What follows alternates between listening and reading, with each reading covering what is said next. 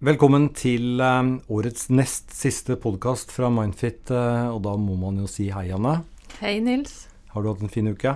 Det har jeg hatt. Hva har du gjort, da? Eh, Jeg har som vanlig Jeg har tatt eksamen i idrettspsykologi, forresten. Ok, er det, det er selvfølgelig da en egen gren. Ja. Det er nystarta videreutdanning i idrettspsykologi. Fordi altså handler det om at idrettsfolk skal lære å prestere når det gjelder som mest og sånne ting, eller? Det handler jo om at mental trening er like så viktig for en idrettsutøver som det fysiske, faktisk. Og at det spiller stor rolle i ganske mange idretter. Så nå kan du begynne å jobbe med det også? Ja, jeg jobber litt med det allerede. Men jeg har ikke brukt det på deg, Nils, for du er jo ikke noen idrettsutøver. Oh, der fikk vi den, ja. Nei da, jeg er her herr fyrstekake. Ja. Um, dette er eh, nummer 38 eh, av podkastene, og vi har da nådd dette famøse 50 000-målet som vi har mast om. eh, det virker som vi har mast det om et helt år. Det er veldig bra. Men igjen, eh, helt sånn seriøst, så, eh, så bruker vi ganske mye tid eh, før vi setter i gang med sending med å lese gjennom alle de spørsmålene som kommer, og det er, eh, det er, eh, det er mye det er, det er mye å ta tak i. eh, og det ser ut som vi fyller et behov, og det er vi veldig ydmyke i forhold til. Eh, så tusen takk til dere som hører på, og ekstra tusen takk til dere som sender inn. Vi skal jo ha to eh, spørsmål denne gangen også. Ja, og uh, som alltid så håper vi at dette er noe som passer for den som sender inn, og at det også kan være til hjelp for flere. Men det er klart, vi har ikke hele bildet, så vi svarer etter beste evne. Vi begynner med pengeproblemer, og det er jo ganske aktuelt når vi går mot jul. Da bruker jo vi mer penger enn det vi har. Det viser all statistikk jeg leser. Hei, jeg lurer på om dere kan si noe om pengeproblemer. Jeg har slitt med økonomi i mange år, og blir aldri bedre. Jeg har jobbet meg ut av økonomiske hengemyrer mer enn én gang, men jeg vender stadig tilbake til det samme problemet. Når jeg har nok penger og litt reserve, klarer jeg å gå i postkassen, og jeg klarer å åpne regninger, men når kontoen er tom, får jeg det ikke til. Postkassen er et monster, og jeg er livredd hver gang jeg går forbi. Når jeg endelig klarer å ta med regningsbunken inn i huset, gjemmer jeg den i en veske uten å åpne dem. Og kreditorene ringer, og jeg klarer ikke å ta telefonen. Jeg skammer meg og forteller ikke dette til noen, det er vanskelig. Nå venter jeg på feriepenger, så jeg skal øh, kunne betale gjeld og begynne på nytt igjen. Hva i all verden skal jeg gjøre?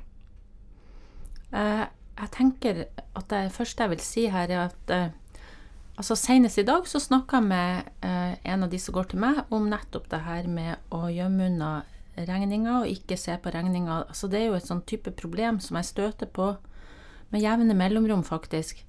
Eh, Så det er liksom viktig å si til denne innsenderen at hun er ikke alene om å gjemme regninger, for at det, det er forbundet mye skam med det her, og det forstår jeg. Så jeg syns det er fint at hun tar opp det problemet, og jeg skjønner jo òg at hun holder det for seg sjøl, fordi en tenker jo at såpass må en ha kontroll over, men det er faktisk mange som mister kontroll over det her, og særlig i perioder når en ikke har det så greit ellers, egentlig. Jeg leste i uh, en avis i går, var det vel, at uh, det er ganske selvsagt egentlig, kanskje, men at uh, høy kredittkortgjeld gir angst. Ja. Og det forstår jeg. Og hvis du har høy kredittkortgjeld uh, fordelt på flere forskjellige kort, så betaler du jo ganske mye hver måned, så det er, det er nesten sånn umulig å komme ut av. Men Og så mister du oversikt, og det er jo det mange gjør. De, de opplever at de mister oversikt, og så slutter de å åpne de brevene fordi de tenker at her er det bare ubehag og fin, jeg får ikke gjort noe med det allikevel. Eh, og så får du en sånn ond sirkel, for det blir jo ikke noe bedre av at de ligger der uåpna, det skjønner jo alle. Men det er følelsesmessig, ikke sant, det er jo ikke rasjonelt. Men eh, nå er jo ikke vi eh, er jo ikke vi sånne økonomer, og vi, vi altså Hadde vi vært det, så hadde vi sikkert sagt eh, restrukturer gjelden din og sånne ting. Men som psykolog, altså hva er det som skjer her hvis man på en måte ikke klarer å se si, det virkelige livet i øynene? da, At du på en måte feier under teppet og liksom bare later som utfordringen, problemet, ikke finnes. Det er jo en kjent eh, mekanisme, det der med unngåelse og egentlig å fortrenge det som er ubehagelig, som en ikke vil se i hvitøyet. Eh, og mange av de som går til psykolog, eh, heldigvis benytter jo nettopp sjansen der til å kanskje sette ord på noe som de har bare holdt for seg sjøl. Og det å holde det for seg sjøl gjør jo at det nesten ikke eksisterer. Men denne unngåelsesatferden den koster enormt mye krefter. Sånn at eh, på et eller annet nivå så tar jo de i underbevisstheten inn uh, denne her uh, uroa likevel. Da. Det blir dårlig søvn, det blir kanskje nakke, rygg, vondt. Det blir en uro inni deg, men, men, du prøver for all del å unngå å tenke på, unngå å snakke om, unngå å sette ord på hva det er. Eh, og unngår i det hele tatt å se på de her regningene. Så unngåelse er jo en driver i, i, veldig mye av det som gjør at problemer opprettholdes. Og jeg tror det er en sånn helt sånn menneskelig mekanisme som mange kan havne i den fella, da. Men, men, hvis man da går til psykolog for å få hjelp til dette her, hva, hva, slags hjelp er det å få da? da? Ofte hvis en kommer til psykolog med det her, så er det jo en del av et større bilde, og det her blir kanskje ikke hovedproblemet du kommer med. Eh, for jeg ser jo at mange av dem samtidig uh, kan ha gått på en smell ellers. Det kan være utbrenthetssymptomer, nedfor, uh, angst. Sånn at jeg vil jo anbefale, det vil jeg bare si, og det handler jo ikke om å gå til psykolog, men Nav har jo faktisk gratis økonomisk rådgivning. Og jeg har mm. erfaring med, når jeg har hjulpet folk, at de har fått god hjelp der. Så jeg har sett tilfeller med med de som har gått til meg, som har gått dit, og de har hjulpet dem å få oversikt, for at de klarer det ikke alene. Og hjelpe dem også hva de skal gjøre i forhold til å For det går jo an å kontakte kreditorer, det går an å få avtaler, ikke sant? Få sagt fra at dette går feil vei. Eh, og hvis folk kommer til meg, så er jo det litt av den måten jeg møter dem på. Tipse dem om økonomisk rådgivning, snakke litt om at det finnes håp om å kunne gjøre noe med det her. Og så må vi jo se litt på hvilken type mekanisme det her er, da. Eh, hva er det som trigger, igangsetter det her mønsteret med å unngå å gå inn i, i, i regningene og se på dem? Hvilke type følelser er det som, som ligger inni det, og hvilke type tanker er det? Og, og så tror jeg nok mange vil oppdage etter hvert at eh, kanskje de kverner i underbevisstheten mer på det her enn de tror, så selv om de tilsynelatende ikke tenker på det, så bruker de mye krefter både på å unngå å tenke på det, og på eh, egentlig kanskje når de skal sove, så kommer det opp. ikke sant? Du klarer ikke å mm. unngå det hele tida. Uh, og da er det noe med at vinninga Altså det å liksom erkjenne kanskje at, at dette er verre enn en alternativ å ta tak i, det, det, det er det jeg tenker jeg kan prøve å hjelpe dem med, da. Ja. Nå må det også sies at uh, dette er et av de spørsmålene som har ligget en stund. Det, det var jo til og med altså, innsendt i februar, dette her. Ja. Men vi tok det fram nå, for det er, jo, det, er jo, veldig aktuelt uh, i den uh, høytiden vi går inn i. Og så får vi banke i bordet for at ikke altfor mange bruker penger de ikke har. Du vet, I Aftenposten for noen dager siden så sto det at fire av ti bruker mer enn planlagt på julehandel. Så jeg tror nok at dette er et kjent problem for mange rundt juletider. Men vet du hvilket, uh, hvilken del av landsdelen som bruker mest penger? Nei. Prøv å gjette. Altså, altså, Det første som jeg tenker, tenker, er Oslo, men da må det ikke være Oslo. Uh, det kan være et sted hvor det er Finnmark. Nordlendinger, så klart. Ja. ja. Jeg tenkte kanskje du skjønte det, siden du sitter sammen med en nordlending. Ja. ja, men det er bra. Ja. Eh, da går vi videre. Det er et, et ganske alvorlig spørsmål, dette. Jeg leser Um, hei, dere to. Må først begynne med å takke for en fantastisk fin selvhjelp. Det er en snill og god venn som jeg er veldig glad i, og som har tipset meg om denne appen. det er altså Mindfeed-appen vedkommende snakker om. Etter en voldtekt som skjedde for lenge siden, høsten 1984, som førte til en selvdestruktiv atferd, fra å være uskyldig, naiv, sjenert jente-dame, så søkte jeg til det destruktive og farlige menn, og det mønsteret var jeg i litt, i litt over 30 år. Inntil han som jeg nevnte, konfronterte meg med dette, og nå har jeg skjønt at jeg må ta tak i denne skammen, frykten for nærhet og sex.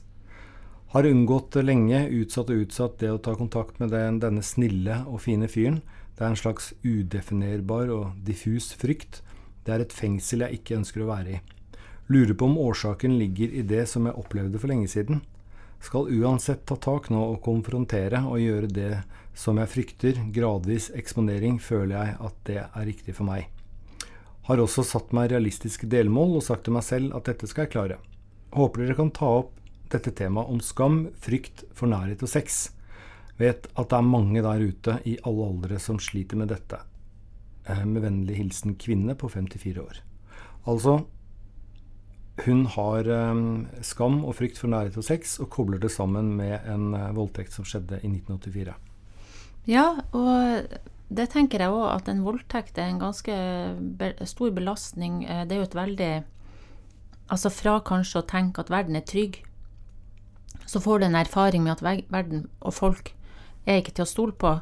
Og det er klart at det blir et sånn tillitsbrudd òg, uh, som gjør at, at, du kan få en utfordring med å stole på andre, eller latt andre få noe betydning for deg etter, etter å ha blitt voldtatt.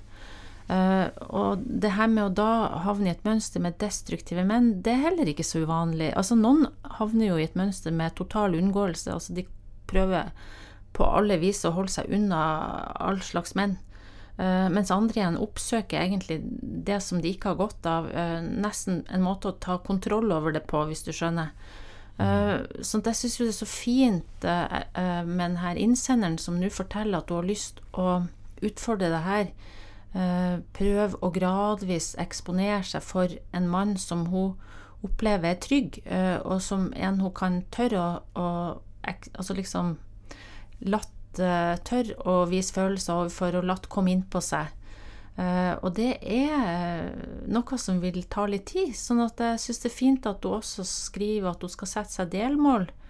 Uh, og at det er viktig med, for denne partneren, og det vil jeg si at, at det er viktig at, at denne partneren òg kan ha litt toleranse for at dette kan gå litt frem og tilbake. fordi Eh, du blir ikke trygg hvis du ikke Altså, du blir ikke trygg på 1, 2, 3. Det kan gå ett skritt frem, og så kan det gå to bak, faktisk. Sånn at eh, en blir litt sånn avhengig av å kunne snakke bra sammen om det her òg, da. Mm. Det, er jo, det ser ut som det er denne vennen som har anbefalt uh, denne kvinnen uh, appen. Mm.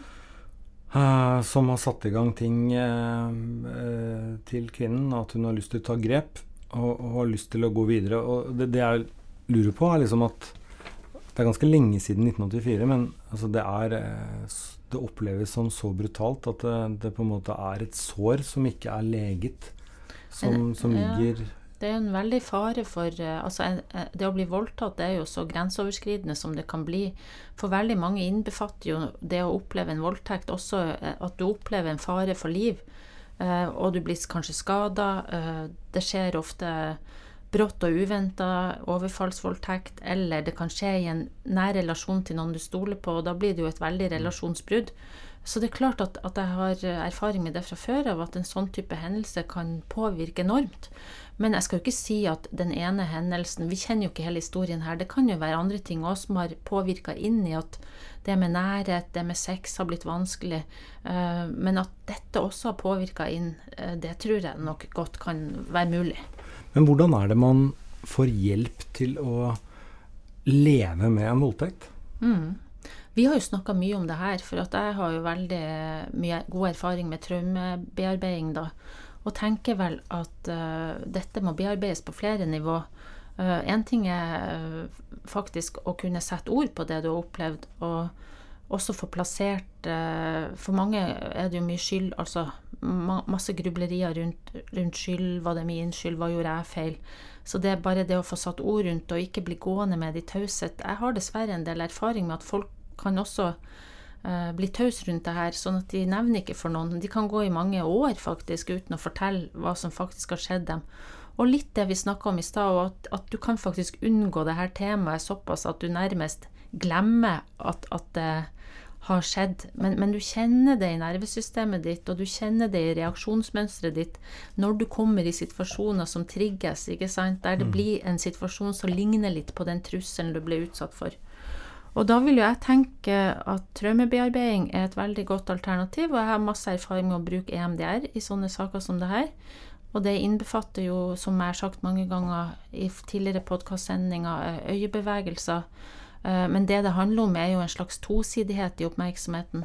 Sånn at det gir en mulighet til å bearbeide det som skjedde da, og samtidig være trygg her når du gjør det. Så de her øyebevegelsene hjelper deg til å holde deg eh, nærmest grounde deg her og nå, og så hjelper det deg til å også få plassert uh, denne hendelsen uh, der den hører hjemme. Dette er jo en fare som er over. Det er akkurat som for mange som har vært utsatt for voldtekt, så blir det en såpass overveldende erfaring at, eh, at hjernen har ikke klart å, bearbeide eller få plassert det eh, i tid og rom. Det blir mer som om det fryktreaksjonsmønsteret blir stående litt sånn frosset fast. Mhm. Så du trenger nok en type Det kan jo være bra med en type spesifikk hjelp her. Ja. Og, og da er det to ting som er viktige her. Det ene er at det er eh, utrolig fint at denne kvinnen tar grep. Men Det er det ene. Og det andre er jo at uh, det her kan gå bra. Ja. Uh, mange har fått hjelp. Ja. Uh, og det, det virker som hun, uh, hun velger rett for, for livet sitt. Ja, for at akkurat oppimot seksualitet så er det et, et øh, faktum, syns jeg, at veldig mange, selv om de kanskje tilsynelatende klarer seg ellers, så blir det med intimitet og seksualitet veldig, veldig vanskelig, fordi det kan komme Altså, det kan være at de kommer i en situasjon der det er plutselig en brå bevegelse eller et eller annet setter i gang en sånn øh, reaksjon i dem som kobles opp imot det de har opplevd før. Så nettopp derfor må du ha en tålmodig partner som, som, gir deg en følelse av at du kan få lov å ta kontroll, og det å kunne sette grenser for 'nå er det nok' og sånn, og samtidig eh, tør sjøl da å tenke at du må utfordre det, så du får nye erfaringer med det. Eh, det blir litt sånn alfa og omega. Sånn at dette Hun har helt rett i at dette blir et problem for mange. Mm. Men Kvinne 54, vi heier på deg. Det gjør vi absolutt. Og det var det vi rakk i denne utgaven av podkasten til Mindfit. Eh, vi har én sending, i hvert fall én før eh, det blir nyttår. Eh, så vi får vel bare holde på med juleforberedelser og passe på å ikke Ikke, ikke shoppe for mye. Ja, jeg skal ikke shoppe noe, tror jeg egentlig. Men det er vel mer å julenøtter og lage kaker og sånn som, eh, som jeg skal gjøre. Har Du, du, du, skal lage fyrstekake til neste gang. Jeg skal lage fyrstekake til neste gang, for da skal vi eh, feire at eh, Mm. vi har nådd 50. Og det, mm. det er bra. Mm. Fortsett å sende inn spørsmål, det setter vi veldig pris på. Og så høres vi veldig snart igjen. Ha det bra! Ha det.